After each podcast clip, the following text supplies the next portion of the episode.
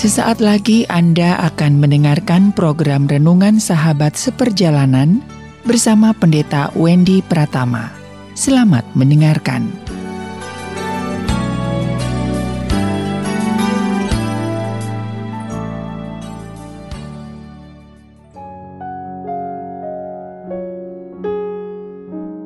Selamat berjumpa kembali dalam layanan audio Sahabat Seperjalanan. Hari ini adalah hari Kamis 18 November 2021.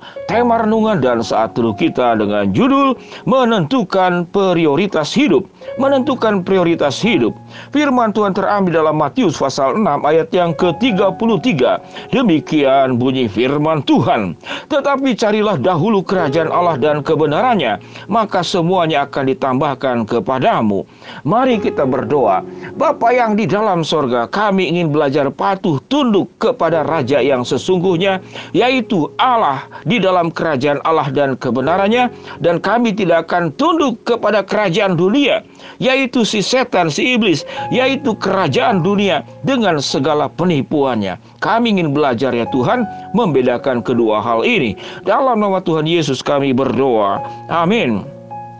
Shalom sahabat seperjalanan yang dikasih Tuhan sesuai dengan doa pembukaan yang saya sampaikan tadi Di dalam dunia ini ada dua kerajaan Yang pertama kerajaan Allah dan kebenarannya Yang kedua kerajaan setan dengan segala penipuannya Kerajaan Allah dalam kebenarannya dan kerajaan setan dengan segala penipuannya kita akan belajar yang bagian kedua dulu, yaitu kerajaan setan dengan segala penipuannya. Mengapa dikatakan kerajaan setan? Selama kita ada di dalam dunia ini, setan masih ada, setan masih bergantayangan, setan masih bekerja online 24 jam, tidak tidur, tidak tidak eh, istirahat, dia akan terus bekerja. Bagaimana menggoda kita sementara kita ada di dalam posisi sebagai manusia berdosa yang masih bergumul dengan dosa dan kehidupan kami diperhadapkan kepada pilihan-pilihan mana yang menjadi prioritas dalam kehidupan kami. Setan memberikan banyak sekali tawaran-tawaran, kenikmatan, kesukaan, kekayaan, kes, katakanlah kelimpahan yang ditawarkan Bahkan di saat kita duka, di saat kita sakit, setan akan datang. Sudah engkau umpat saja Tuhan. Engkau tinggalkan saja Tuhan. Kalau engkau anak Tuhan, mengapa engkau diizinkan sakit? Kalau engkau anak Tuhan, mengapa engkau diizinkan miskin? Kalau engkau anak Tuhan, mengapa engkau diizinkan kekurangan? Mengapa engkau diizinkan kesulitan demi kesulitan? Masalah demi masalah. Maka oleh sebab itu kata setan, lebih baik engkau ikut aku Tuhan yang kamu sembah tidak akan menolong engkau. Penipu, pendusta, pembunuh, itu pekerjaan setan. Setan akan memalingkan dan membalikkan arah agar kita di dalam menentukan prioritas hidup tidak menuju kepada kerajaan Allah dan kebenarannya, tetapi menuju kepada kerajaan setan dengan segala penipuannya. Sahabat seperjalanan yang dikasih Tuhan, ada banyak anak-anak Tuhan yang disebut anak-anak Tuhan. Kemudian kecewa dan meninggalkan Tuhan. Saya sudah lima tahun, sepuluh tahun, dua puluh tahun mengikut Tuhan, tapi saya tetap susah, tapi saya tetap penuh dengan masalah. Oleh sebab itu saya tidak akan lagi percaya kepada Tuhan. Maka setan akan mengatakan, kalau engkau ikut Tuhan, maka Tuhan akan beri kesenangan, kelancaran, kekayaan, kesuksesan. Itu adalah sifat Tuhan karena setan mengajarkan, memberikan kepada kita masukan yang setengah benar. Dan apa yang diucapkan setan itu benar bahwa Tuhan bisa beri kekayaan, Tuhan bisa beri kesuksesan, Tuhan bisa beri kesehatan, dan Tuhan bisa beri kemudahan, kelancaran, dan segala sesuatunya. Pada tahap ini, setan benar. Tetapi suatu setan mengatakan, kalau Tuhan itu memberikan kedukaan, sakit, penyakit, kesulitan, problem dalam hidupmu, maka Tuhan berarti bukan Tuhan yang sayang dan peduli kepada engkau. Dengan demikian tinggalkanlah Tuhan dalam hidupmu. Percuma engkau ikut Tuhan, percuma engkau persembahan, percuma engkau rajin melayani. Sementara Tuhan tidak menolong engkau. Di sinilah setan kemudian memutar balikan kebenaran dan karena sifat dia memang penipu. Alkitab tidak pernah memberikan kepada kita sebuah janji. Kalau engkau menjadi anak Tuhan pasti kaya, pasti lancar, pasti sehat dan tidak ada masalah. Tidak. Tuhan menjanjikan di dalam segala kesulitan, kedukaan, problem, sakit, penyakit, kemiskinan, ada Allah yang menyertai. Maka setan hanya membengkokkan sedikit, menggeser sedikit, membalikkan sedikit agar kita tidak mengikuti Tuhan.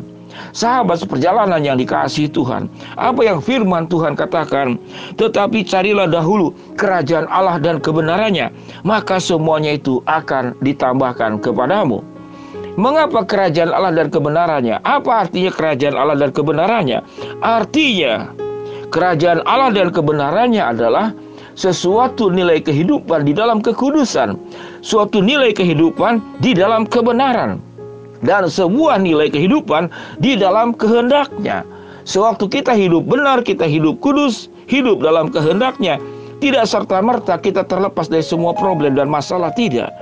Tetapi semua persoalan yang kita hadapi, kemiskinan, kesusahan, problem, sakit, penyakit, masalah demi masalah, ada kekuatan Allah yang menyertai. Mengapa? Karena kita sedang ada di dalam dunia dan hidup di dalam dunia yang tidak sempurna. Namun kesempurnaan Allah membuat engkau kuat melewati semuanya itu. Sehingga sewaktu setan mengatakan kalau segala sesuatu yang buruk terjadi dalam hidupmu, itu artinya Tuhan tidak ada dan Tuhan tidak peduli kepada engkau. Setan menghasut.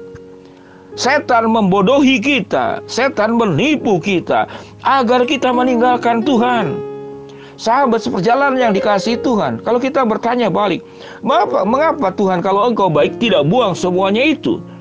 Kalau Tuhan buang semuanya itu, sesungguhnya Sesungguhnya dari awal Tuhan tidak pernah menciptakan yang namanya sakit, penyakit, kesulitan, problem, masalah Sakit, penyakit, problem, masalah itu diakibatkan oleh manusia sendiri yang jatuh di dalam dosa mulai dari Adam dan Hawa itu kemudian turun temurun terjadi kepada kita.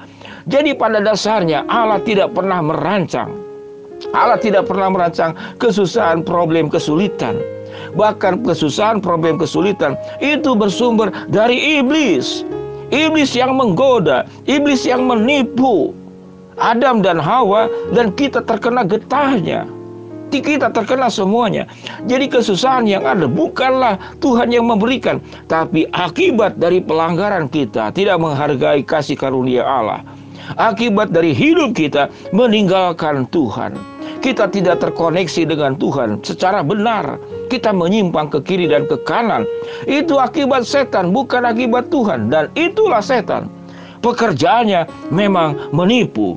Sahabat seperjalanan yang dikasih Tuhan, marilah kita tetap hidup bersama dengan Allah di dalam kebenaran. Sewaktu kita menentukan prioritas hidup, maka jalani hidup ini dengan benar di hadapan Tuhan. Jalani hidup ini dengan kudus di hadapan Tuhan. Jalani hidup ini sesuai dengan kehendak Tuhan. Apa pun yang terjadi dalam kehidupan kita, jatuh bangun, naik turun, miskin, kaya, berlimpah, kekurangan, sehat maupun sakit, ada Allah yang menyertai. Maka tugas kita agar kita tidak salah menentukan prioritas hidup. Jangan dengar suara setan apalagi engkau terbujuk dan engkau ikut. Saya ulangi kembali kalimatnya. Jangan engkau dengar suara setan apalagi engkau terpujuk, terbujuk dan menjadi pengikut, maka prioritas hidupmu menjadi keliru, disingkirkan dialihkan. Yang seharusnya fokus kita kepada Allah dan kebenarannya kita menjadi fokus kepada setan dengan segala penipuannya. Di dalam segala kehidupan percayalah Allah merancang semua yang baik kalau hal-hal yang baik yang belum kita dapatkan di dalam dunia ini, Allah akan berikan berlipat ganda di surga nanti. Oleh sebab itu kita mengatakan, carilah dahulu kerajaan Allah dan kebenarannya, dan jangan engkau masuk dan terjerumus ke dalam kerajaan dunia dengan segala penipuannya.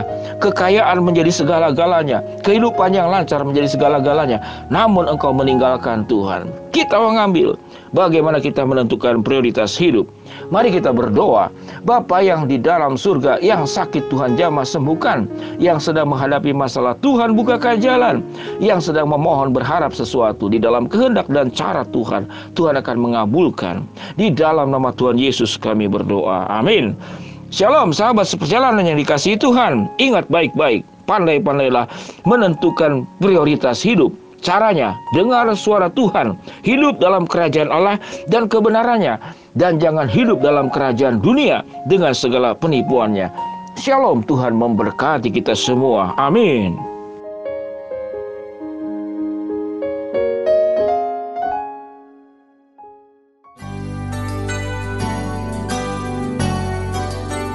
Anda baru saja mendengarkan program Renungan Sahabat Seperjalanan bersama Pendeta Wendy Pratama. Terima kasih atas perhatian Anda. Tuhan Yesus memberkati.